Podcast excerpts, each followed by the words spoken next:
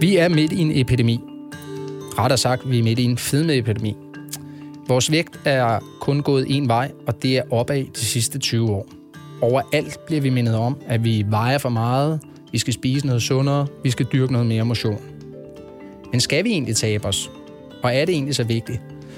Ja, selvfølgelig er det vigtigt. Øh, der er en masse sundhedsfordele ved at, at tabe sig. Blandt andet at undgå livsstilssygdomme, diabetes 2, forhøjet kolesterol, hjertekarproblemer osv. Men skal egentlig alle tabe sig? Øh, nej, det skal alle ikke. Øh, der findes også personer, der er overvægtige, der ikke har nogen tegn på det, man kalder for livsstilssygdomme. Så kan der være nogle andre komplikationer i forhold til ekstra vægt på øh, bevægeapparatet. Det kan være, være jamen, øh, slidgigt i knæ, øh, ondt i hoften, ondt i anklerne. Så selvfølgelig skal vi tænke over det. Men øh, vi får altså en masse gode råd. Ligesom dem, jeg giver dig her, øh, om hvordan vi skal takle overvægtsproblemet og komme kiloene til livs. Det kommer alle sammen fra eksperter, som øh, har en faglig viden. Men for langt de fleste eksperter, øh, så har de ikke selv haft problemstillingen overvægt eller fedme tæt på, og ikke oplevet det på, på egen krop. Så når man øh, sådan er overvægtig, så øh, spejler man sig jo meget i, i folk, der selv har prøvet at have det her inde på, på livet. Og øh, den 14. oktober 2012, der øh, er tjekket en øh, meget speciel mail ind i, i min mailbox, og øh, det var for en pige, som øh, du skal høre lige om lidt. Men øh, mailen, den lød sådan her. Hej Per, mit navn er Fie. Jeg er 20 år og bor i Frederikssund hjemme hos min mor. Jeg skriver til dig, fordi jeg virkelig har brug for noget seriøs hjælp til noget vægttab. Det sidste år har jeg formået at tabe næsten 35 kilo ved min egen hjælp og min egen vilje selvfølgelig. Men også ved hjælp fra min mor, som er idrætsuddannet og mange rejser til Klub La Santa Sport. Jeg vejede 140 kilo sidste år i juni, og jeg vejer 105 kilo i dag. I det sidste stykke tid har jeg stået meget stille med vægten, og gejsten til at træne er langsomt faldet mere og mere. Min mål er at veje 70 kilo, min idealvægt, men tænker, at vi kan finde ud af det, hvor meget sådan, jeg skal tabe mig hen ad vejen. Jeg tænker, det vil være optimalt for mig, hvis øh, du kommer her to gange om ugen, måske to timer hver gang. Træningen kan foregå her hjemme hos mig. Vi har et øh, stort hus, jeg har en cykel, stepbænke, håndvægte osv. Jeg er også medlem af et øh, fitnesscenter, men øh, da jeg havde tænkt mig at bruge over en time to gange om ugen der også, må vi finde ud af det. Ellers træner jeg en masse step herhjemme, øvelser fra DVD, og så cykler jeg på min cykel. Jeg har bare brug for en, der presser mig til at yde mit maksimale. Jeg håber, at vi eventuelt kan mødes og snakke om mål, tid og økonomi. Jeg er topmotiveret, men jeg har brug for hjælp.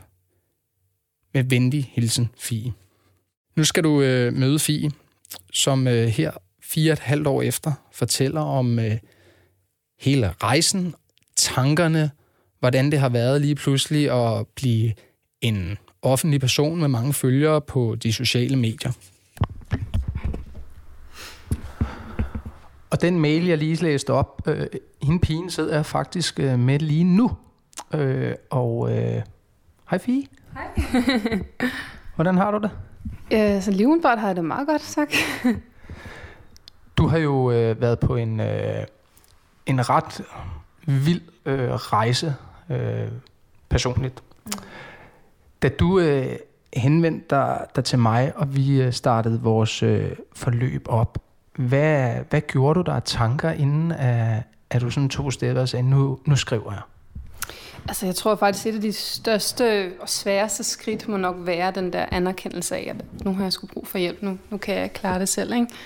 Så bare skulle komme dertil, det synes jeg var, var ret grænseoverskridende faktisk. Ikke? For jeg har altid været sådan en type, der troede, at jamen, det, det kan jeg selv klare. Ikke? Og jeg skal ikke have nogen hjælp, fordi jeg er ikke svag, eller hvad man end kan lægge af betydning i det. Ikke? Men, men det var sådan lidt at, at skulle kontakte en personlig træner, ikke? og jeg var måske også på en eller anden måde lidt bange for, hvad du sådan tænkte om mig, og om jeg nu ville være en god klient, ikke? og om du ville kunne hjælpe mig. Og...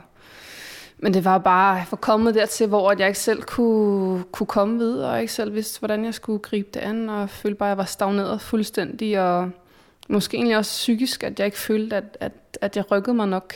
Øhm, så erkendelsen, tror jeg, for mig har været altså, det største skridt ikke, i, at jeg har sgu brug for hjælp. Altså, og det med at indse, at, at jeg ikke er svag, fordi jeg spørger om hjælp, men at det var virkelig bare en rigtig svær situation, og der var mange ting, der var svært for mig selv at overkomme.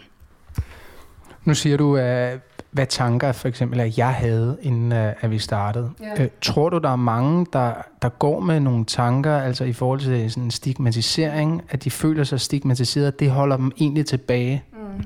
Ja, også især hvis man accepterer det stigma, ikke? Altså hvis du kommer til at acceptere den kasse, du bliver sat ned i af samfundet, og de fordomme, som hvis du har været overvægtig i mange år, eller en stor del af dit liv, ikke? At man oplever mange af de der fordomme, og du ved, hvordan folk de tænker omkring dig, ikke? Og oplever nedladende blikke og kommentarer. Og, og det kan bare blive noget, man nemt kan komme til at acceptere, så skulle endda at bryde ud af den stigmatisering, det kan være en virkelig stor udfordring, synes jeg. Og den identitet, man også tager på sig et eller andet sted.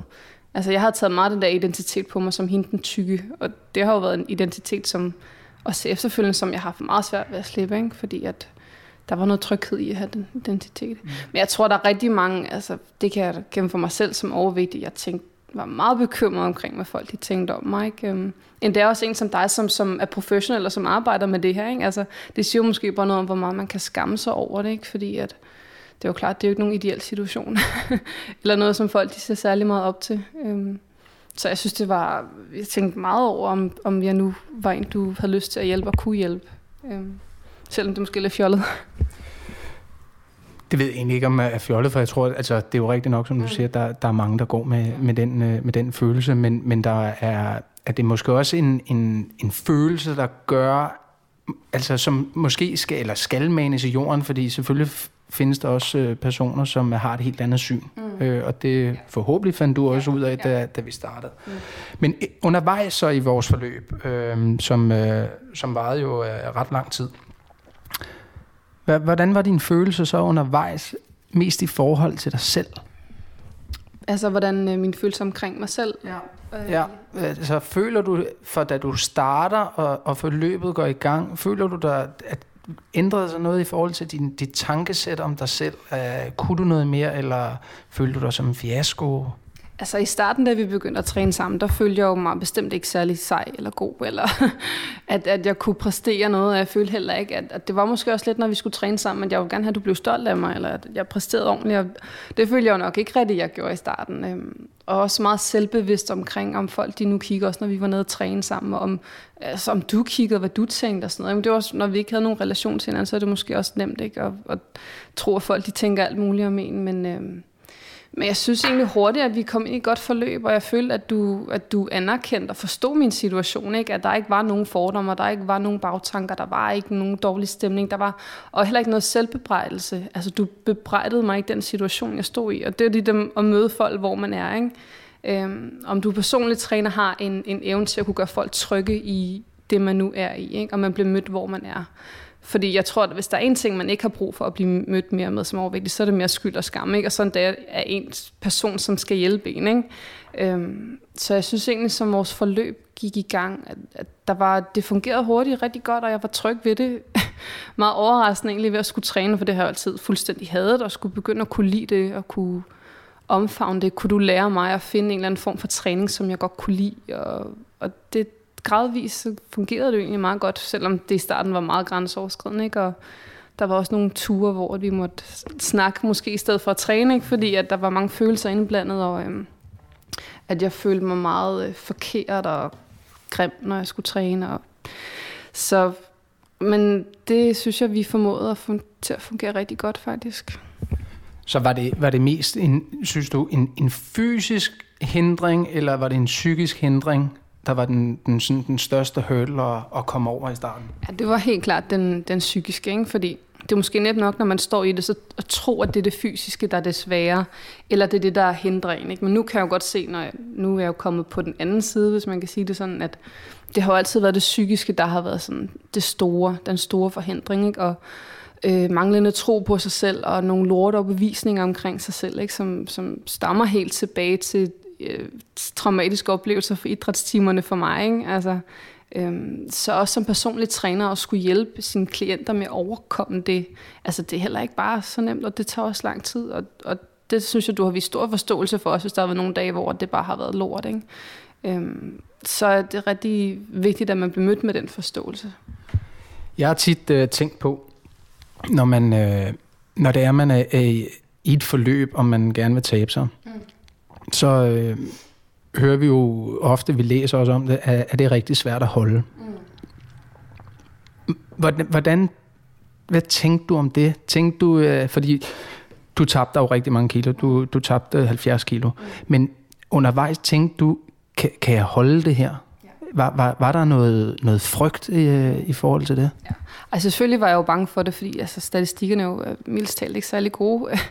øhm, så jeg tænkte jo selvfølgelig over, at nu skal du også passe på med vilde på laverbærene, ikke? Og bare, for jeg, jeg red jo lidt på en bølge af, at det bare gik super godt i en periode, også især da vi trænede, ikke? og jeg tabte mig, og jeg fik det bedre med mig selv, og øh, de sociale medier, folk de var så rosende og søde over for mig, så jeg, jeg kom lidt ud på sådan en bølge, hvor jeg bare, nu det kører bare, jeg, skal, jeg kan klare det her, jeg skal nok holde det og sådan noget. Øhm, og jeg, hold, jeg har også holdt det i lang tid. Altså, jeg har jo ikke, øh, jeg har en normal vægt i dag, og øh, det går jo selvfølgelig altid lidt op og ned, ikke? men det er jo proportionerne i det, tænker jeg. Ikke? At man skal selvfølgelig kunne tillade sig selv, at man ikke nødvendigvis behøver at være på den der fuldstændig den samme vægt hele tiden, men at du selvfølgelig skal have en, en sund vægt og en sund livsstil generelt set. Ikke? Øhm, men så da jeg kom lidt ud af den der boble, hvor Ej, nu kører det bare, jeg skal nok holde det, det kommer ikke til at ske, at jeg tager på igen. Og jeg så tog lidt på igen, så har jeg jo selvfølgelig også måske lige blevet mindet om, at jamen, du skal heller ikke hvile på lavbær, du skal også tage det seriøst, ikke? Og når du begynder at spise relativt usundt igen, og du ikke laver noget som, så, så, så tager du også hurtigt på igen, men du kan også hurtigt komme af med det. Så altså, jeg har da bekymre mig mere om det, men det tror jeg også, at man skal. Altså, du skal også være ops på det. Øh, hvis du kan formå at gøre det på en ikke selvbebrejdende og stressende måde, kan man sige. Ikke? Fordi det skal jo heller ikke være noget, der, der bliver destruktivt, så man bliver så bange for at tage på igen, så man går ud i den anden retning og får en spiseforstyrrelse eller et eller andet. Ikke? Fordi det kan hurtigt gå ud i de der øh, yderpoler. Ikke? At man finder en sund, fornuftig midte, synes jeg har været mega svært. Altså. Er der forskel på Fie for fire år siden, for to år siden, og så som vi sidder i, i dag? Og hvis ja, hvad, hvad er forskellen? Altså på nogle punkter er der meget stor forskel, og på nogle punkter, så tror jeg faktisk slet, slet ikke, der er nogen forskel. Altså jeg tænker sådan lidt, at jeg, altså i mine øjne er jeg jo den samme, øh, som jeg altid har været. Jeg ser igennem de samme øjne, jeg har de samme værdier, jeg har de samme interesser. Jeg, øh, på mange grundlæggende ting er jeg den samme. Men jeg har fået en masse egenskaber, synes jeg selv, og jeg har fået en masse erfaring og livslæren og øh, nogle gode ting med, synes jeg. Ikke? Men, men jeg er faktisk glad for, at jeg sådan helt grundlæggende set er den samme, som jeg altid har været. Ikke? At, at det har ikke været noget, mit vægttab har ikke påvirket mine værdier som sådan. Det har ikke været noget, der har, øh, der har gjort, at jeg behandler folk anderledes. Altså, der er sådan nogle helt grundlæggende ting som, ved mig selv, som, som jeg er stolt af, at jeg har holdt fast i. Ikke? Fordi at, at man kan jo nemt, det er jo en stor fysisk øh, omvæltning, og man kan måske godt, og der er også andre folk, som har måske kan komme til at dømme en lidt, ikke? fordi så hvis man taber sig, ej, betyder det så, så er du nu blevet, så tror du nu, du er bedre end andre, eller et eller andet. Ikke? Og den har jeg også mødt, og det synes jeg er jo helt forfærdeligt, fordi det, det synes jeg er noget, en mærkelig logik at have, for det, det føler jeg slet ikke, at det selv er. Hvordan reagerer du så i sådan en situation, når du bliver mødt med det? Jamen, jeg synes jo, altså, det er lidt tragikomisk, ikke? fordi jeg tænker, jamen, jeg var jo, øh, det var jo så skidt, da jeg var overvægtig, og så er det også mega skidt, når jeg så har tabt mig, og jeg så er tynd, fordi så er det også galt, og så er man blevet, så tror man nu, man er så god, eller det er bare det der jantelov så meget, ikke? man skal ikke tro, man er noget, og, øh, men jeg har så til gengæld lært, at lige meget hvad jeg gør, så kan jeg ikke tilfredsstille alle, så det skal jeg ikke. Øhm, så jeg, i starten, da jeg mødte det, der blev meget frustreret, for jeg tænker, at jeg, jeg var jo ikke god nok som overvægtig. Jeg mødte så meget had og misforståelser og fordomme, men det gør jeg så også nu. og at, at, at du bare lærer, jamen folk dømmer hinanden lige meget, hvad du gør, lige meget, hvordan du ser ud. Så du kan lige så godt lade være med at tænke for meget over det. Undervejs, øh, også i forløbet, så lige pludselig, så, øh, så laver du en øh, Facebook-side. Mm. Og øh, jeg kan tydeligt huske, at øh, hvornår du gjorde det, og lige pludselig så, øh, så eksploderede det og øh, hvor man tænker måske, jamen, øh, måske er der 100, der, der, der synes godt om den her side. Øh. Men prøv lige at starte med at fortælle, hvor, hvorfor lavede du den Facebook-side? Og hvad, hvad, altså, hvad var hele tanken bag den? Ja. Jeg synes, det var på opfordring af dig. Var det ikke det? Måske, måske. jeg synes bare, jeg kan huske, du nævnte et eller andet med, hvorfor laver du ikke en side, hvor du kan dele det med folk, og hvor du kan... Der var et eller andet der med, at man kunne umiddelbart lave en side, og det vidste jeg jo ikke, at nå, det kan man umiddelbart godt. Og så prøvede jeg bare det, der sådan helt tilfældigt, så gik jeg ind, og så oprettede jeg FIS vægtag for 140-70 kilo. Og så inviterede jeg sådan de nærmeste, min familie, mine venner, og så lige pludselig så havde de delt det, og så havde de delt det, og så inden for en ret kort periode, så var der egentlig kommet en, en 13.000, 13-15.000 ret hurtigt. Det eskalerede ret hurtigt på det tidspunkt, ikke? Øhm, ja. Jamen det er fordi, det, det man også, øh, altså grunden til at jeg sagde det, øh, at, jeg synes, du skulle gøre det. Øhm, et var selvfølgelig forhåbentlig, at du kunne inspirere andre, men måske også få en, en jeg vil ikke sige en debat, men få et, et forum i gang, hvor det var af andre, som øh, var måske i samme situation, mm. at man kunne bruge hinanden. Ja. Øh, og øh, så kunne man jo så have sagt, at vi laver det til et lukket forum eller hvad. Altså vi havde jo ikke drømt om, ja. øh, at det ville mm. udvikle sig til, mm. til det, det, det er blevet til. Øhm, øh, og, altså det, vi kan lige, hvor, mange, hvor mange følgere er der på, på Facebook nu? Øhm, der er, jeg tror der er 75.000 på Facebook, og så er der også omkring 80.000 på Instagram. Øhm, og det, havde jeg jo, det var aldrig målsætningen, det var aldrig, det var aldrig en drøm heller. Det var egentlig bare mere, at øh, tænk nu, hvis der kunne sidde bare, altså vi har snakket om bare en derude, som kunne blive inspireret, ikke? Og hvis jeg kan, kan dele mine tanker og mine erfaringer, kan det gavne nogen på en eller anden måde. Altså det kan godt være lidt uhåndgribeligt måde, det med de sociale medier, ikke? men jeg har jo trods alt fået at vide, at, at det har hjulpet nogle mennesker, ikke? og så synes jeg, det er det værd. Og øh, du øh, begynder at skrive, og øh, lige pludselig, eller måske ikke lige pludselig, men, men du slår nogle ting op, der, der er ret private. Ja. Og øh, blandt andet så, øh, efter du har oplevet et, dit store vægttab, så øh, skal du have fjernet noget hud, mm. som du vælger også at, altså, at dele med rigtig mange tusind mennesker. Hvorfor gjorde du det? Mm. Ja, hvorfor? det kan jeg også spørge mig selv om, men jeg, jeg er bare kommet frem til, at for mig har det, jeg har sat meget stor ære i at være ærlig og åben omkring vægttabsrejsen, ikke? fordi det har ikke været noget glansbillede, det har ikke været fuldstændig øh, uden bump på vejen, og det er ikke kønt hele tiden, og det har det heller ikke været med det hud, og jeg havde heller ikke håbet på, da jeg startede min vægttabsrejse, håbede jeg jo ikke på, at der ville komme det hud, men det gjorde der så. Og jeg havde ellers været ærlig indtil omkring øh, hele vægttabet, så tænkte jeg, det er også en vigtig del af processe det med huden, ikke? og det, der kommer sikkert også til at stå andre i samme situation. Øh.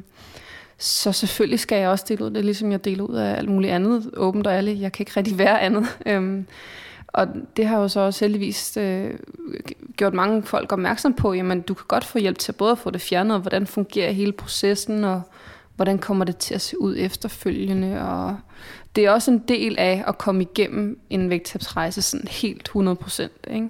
Øhm, så for mig har det været en lige så væsentlig del som så meget andet. Ikke? Men, men det var, altså jeg kan huske, den første gang, jeg skulle lægge et billede op af min hud, som den så ud, altså det var, det var jeg jo ikke stolt af, og det synes jeg jo heller ikke var pænt, men det var lige det vigtige skridt for mig i at, ligesom at, at ikke føle, at jeg skulle gå rundt og skjule noget, eller ikke at føle, at jeg skulle male et eller andet billede af noget, der ikke var godt, eller hvordan, altså... Øhm, det skal være, det skal føles rigtigt og autentisk, og det følte jeg, at, at jeg bedst kunne gøre ved at, ved også at vise alle aspekterne af det. Ikke? Og et uh, andet aspekt, som uh, du også viste, det var, at du gik ind og fortalte, hvordan du egentlig du havde det med dit forhold til mad. Ja. Og uh, der er rigtig mange, der måske, måske ved det, det måske ved det, det ikke, men uh, med tvangsoverspisning, altså hvor man uh, spiser rigtig, rigtig, mm. rigtig store uh, mængder mad. Og så er der nogen, der måske vil sige, at de kan bare stoppe, men, men der er bare nogle ting, der, der følger med. Men det lagde du op. Mm. Uh, kan du fortælle noget om det? Hvorfor du gjorde det, og hvilke tanker sådan, og følelser der er, når man, når man er midt i det? Altså umiddelbart så, øh, altså inden jeg skal lægge sådan noget op, hvis jeg nu for eksempel har spist for meget mad, hvis jeg har spist et orke, hvis jeg har været nede og købe fem pakker kager og chips og slik, så for mig med det der tvangsopspisning, jeg kan godt føle, at når jeg så skal ned og handle, når jeg skal spise, så jeg kan godt føle, at det er sådan ud af kroppen oplevelse, hvor jeg bare ligesom handler. Jeg tænker ikke så meget over det. Det er sådan helt instinktivt, at jeg får bare lyst. Jeg skal bare have det her med. Jeg craver det så meget. Øhm, og så går det så hurtigt, jeg har spist og spist og spist, og til sidst så sidder jeg der foran mig, og der ligger en masse papir, og det har jeg egentlig ikke registreret. Jeg har ikke været særlig bevidst om det. Øhm, så det er bare vigtigt for mig også at sige, jamen, hvis folk har tit spurgt mig, hvorfor kan man blive så overvægtig, så vil jeg gerne prøve at lukke folk lidt ind i de tanker og de store følelser, der ligger bag i. Jamen, det er sådan nogle større kræfter, der er på spil. Det er ikke nødvendigvis bare, fordi man er doven, og man er glad for mad. Altså, det kan virkelig være som tvangs, altså en spiseforstyrrelse, som er rigtig stærk også. Øh, og som man der kan gøre, at, at jeg har også været ude i, altså gjort sådan nogle ekstreme ting, som at gå ud i skraldespanden, fordi jeg var så desperat, fordi der ikke var noget mad herhjemme. Ikke? Altså, og kigge derud, fordi jamen, jeg skulle bare have mad, for jeg følte, at ikke mit liv var afhængig af det, men mit følelsesmæssigt, øh, jeg havde brug for det følelsesmæssigt. Men vil, vil det sige, altså lad os sige, at du øh, skulle øh, ned i supermarkedet. Mm. Øh, vidste du så, inden du gik derned, at det, i dag så skal jeg være sådan, eller er det, når du er dernede og står midt i de ting, Altså, at man nu kan købe chips, øh, kager, slik, øh, whatsoever. Eller, eller, eller var du besluttet for, nu, nu går jeg ned og, altså, og tager et aktivt valg her? Altså, jeg synes, når jeg har haft min overspisning, og min trøstespisning og tvangsoverspisning, så har det været bevidst valg. Så har jeg siddet herhjemme og så planlagt, nu skal jeg ned, og nu skal jeg gøre det. Øh, fordi det, det, det ved jeg ikke, om man kan tænke forskelligt på det, men jeg har virkelig taget det bevidste valg, og nu går jeg ned og gør det. Øhm, så har der også været nogle gange, hvor jeg har været nede og handle, hvor det ikke var planlagt, hvor jeg bare skulle købe sundt ind, hvor der kommer måske til at komme nogle ting ned i kogen, som ikke skal være der. Men det har ikke været det der planlagte orke, som jeg skulle have, fordi der er ret mange følelser, der bygger sig op ind til det orke, synes jeg, hvor jeg tænker, nu har jeg bare brug for fikset, eller hvad man kan kalde det. Øhm, så nu går jeg all in og skal bare have så meget mad som muligt. Øhm, til det bogstaveligt talt sidder op i halsen på en. Altså det har det jeg kan godt nu stadig i dag undre mig over, hvordan jeg har kunne spise så meget mad, men det har jo virkelig været de der, det der tvang, ikke? Og at man bare skal have det. Øhm, ja, så et misbrug, vel, i sidste ende. Altså. Hvis jeg lige vender tilbage med, med Facebook og, og Instagram, så øh, du har også udgivet en bog. Øh, du har været meget også eksponeret i, i tv. Mm. At gå fra Fie øh, fra Frederikssund, som altid har følt, at folk gik og kiggede efter hende, øh, og øh, følte lidt, at, at ah, der er ingen, der kan lide mig, og så lige pludselig blive eksponeret så meget, mm. som øh, du er blevet. Hvordan har, har det været, øh, lige pludselig den kæmpe, kæmpe omvæltning, og så meget fokus lige pludselig på dig? Altså, det har været meget, meget, meget turbulent og meget, meget, meget omvæltende. Altså, det er jo, altså, som du siger, det er jo fra den ene ydelighed til den anden, ikke? Altså lige pludselig, og jeg har jo altid været generet, og måske også lidt introvert, og lidt, ikke indelukket, men bare tilbageholdende. Altså, jeg har ikke øh, vil drage stor opmærksomhed til mig selv, eller noget overhovedet. Øhm, så det har jo faktisk også gjort, at jeg har, jeg har haft det svært ved det, faktisk. Fordi i starten var det jo super fedt at få den anerkendelse. Og det er jo også noget, jeg et eller andet sted har, har hungret efter i mange år. Jeg har jo ikke fået den anerkendelse. Den vil jeg, der har der været noget i mig, som, som gerne vil have det. Øhm, og så fik jeg den anerkendelse, og det var også fedt nok at prøve og sådan noget. Men, og så på et tidspunkt, så mærkede efter, så følte jeg også, at, at det var helt forkert. Jeg, havde ikke, jeg kunne ikke få hovedet med. Jeg, var ikke, øh, jeg følte mig ikke som mig selv, og lige pludselig stod jeg i, i alt muligt stort ståhej og opmærksomhed omkring mig selv, som, som jeg egentlig ikke synes var særlig fedt, eller som jeg nødvendigvis trives særlig meget i. Og det har også været derfor, at, at, at jeg tit har faktisk måtte, måtte sige fra over for medierne, når der har været noget, eller når, hvis Ekstrabladet har henvendt sig, så har jeg også måtte sige, at nu, nu kan jeg altså ikke lige holde til mere. Og, så jeg har også prøvet at lytte til mig selv i det hele, ikke? at det har bestemt ikke været, at jeg har været øh, afhængig af den opmærksomhed, eller jeg har faktisk nogle gange tit haft det rigtig, rigtig svært ved det. Og jeg har også haft svært ved, når jeg har stået nede i bæren, og skulle købe en snegl, eller et, en træstam eller et andet, og hun så genkender mig, hende der står dernede, ikke? der har jeg sådan, åh, øh, det er jo, og folk er super søde, der er slet ikke noget der, men det er måske bare lidt det der med, jeg vil, jeg vil godt kunne gå ned i bæren, uden at blive genkendt eller et eller andet, ikke? men jeg synes faktisk, at jeg har haft mere svært ved det, end jeg synes, at det, al den opmærksomhed har været super fedt, for det har det ikke altid været. Men øh, der er jo nogen, der øh, har fået stor glæde af for eksempel på, på Facebook og Instagram, men så tænker jeg også, der ligger vel også en eller anden form for forpligtelse og ansvar, måske også frygt, fordi folk, når de følger dig, jamen, så forventer de også, jamen, der bliver lagt noget op. Mm. Øh, og nu kan man jo godt se et billede i forhold til, hvordan du lægger op, at der er både gode dage, der er dårlige dage, mm. men føler du dig sådan, at du, er du sådan lidt skræmt i forhold til, altså der, der sidder 80.000 mennesker og, og, og følger mig, der, de forventer, at, at der skal noget op, og det jeg lægger op eller skriver, at, ja. at det er nu godt nok. Ja. Jamen, det, det har jeg øh, med mig hele tiden. Altså, jeg spørger hele tiden mig selv, og hvad vil folk nu tænke om det? Det er nu godt nok, at det er godt nok formuleret. Kommer jeg til at, at shame nogen, eller kommer jeg til at jeg kan fornærme nogen ved det her, jeg skriver, for jeg vil også gerne måske ikke skrive noget provokerende, men jeg vil gerne skrive noget, som også kan, der kan skabe lidt debat, eller som kan prikke til nogle mennesker. Ikke? For jeg, jeg er heller ikke sådan en type, der, der bare siger kun de korrekte ting nødvendigvis hele tiden, for det tror jeg ikke rykker nogen mennesker. Jeg vil også gerne kunne sige mine meninger, men jeg, vil også, jeg holder også fast i, at jeg vil gerne sige det på en sober og en ordentlig måde, så godt jeg nu kan. Øhm, så det er hele tiden en hårfin balance i, at jeg vil gerne sige min mening. Jeg vil gerne måske også kunne rykke til nogle mennesker. Jeg vil ikke være bange. Jeg vil gerne kunne tale frit. Men alligevel, når der er så mange mennesker, så er der også mange mennesker, som har en mening om en. Og det skal man så kunne lære at håndtere, fordi der kommer også nogle meninger, som man ikke forstår, og man føler, at nogle mennesker misforstår en, øh, øh, ud fra noget, man ikke synes, man har sagt, eller ment, eller skrevet, og så og så skulle forklare sig og skulle håndtere de misforståelser og fordomme og antagelser, som folk gør sig ud fra, når man skriver på de sociale medier. Ikke? For det er jo begrænset, hvor meget er der selv, du kan lægge ud trods alt, selvom du prøver så godt du kan. Og det er også begrænset, hvor godt du kan formidle dine tanker og hvad du sådan tænker og dine følelser. Altså, øhm, men jeg vil sige, at jeg har også haft taget nogle pauser fra de sociale medier nogle gange, fordi jeg har kunne jeg lægger også et stort pres på mig selv, og jeg sætter en stor ære i også at, at skrive nogle ordentlige ting, og skal finde mig selv i det. Hvad synes jeg egentlig selv er fedt at skrive? Hvad forventer folk af mig? Og få det til at, at balancere, det, det, det, det, det synes jeg godt kan være svært. Men jeg tror bare, man skal være tro mod sig selv. Altså, hvis det føles rigtigt for en selv, jamen, så må folk jo eller så tage det eller lade være, ikke? Altså fordi, at, at, ellers så bliver det heller ikke godt, hvis det er sådan noget påtunget noget med, at man, man skriver det, man gerne ved, folk vil høre, ikke? Altså jeg har jo sådan noget, folk spørger mig tit omkring, hvordan man hurtigt taber sig, eller sådan gode råd og sådan noget. Og det, er sådan nogle, det har jeg ret svært ved at, sådan, at skulle kloge mig på, ikke? At, for jeg synes ikke nødvendigvis, at et hurtigt vægttab, det er det bedste. Og jeg synes ikke, at det der fokus nødvendigvis skal ligge. Øh, så jeg har mine egne meninger i det. Jeg skriver ikke ting bare fordi folk, de, eller det er populært nødvendigvis hos folk. Og det synes jeg, man skal prøve at holde fast i. Bliver, bliver de så skuffet, hvis det er, at de spørger om et råd, og så at, at altså hvis det er, du...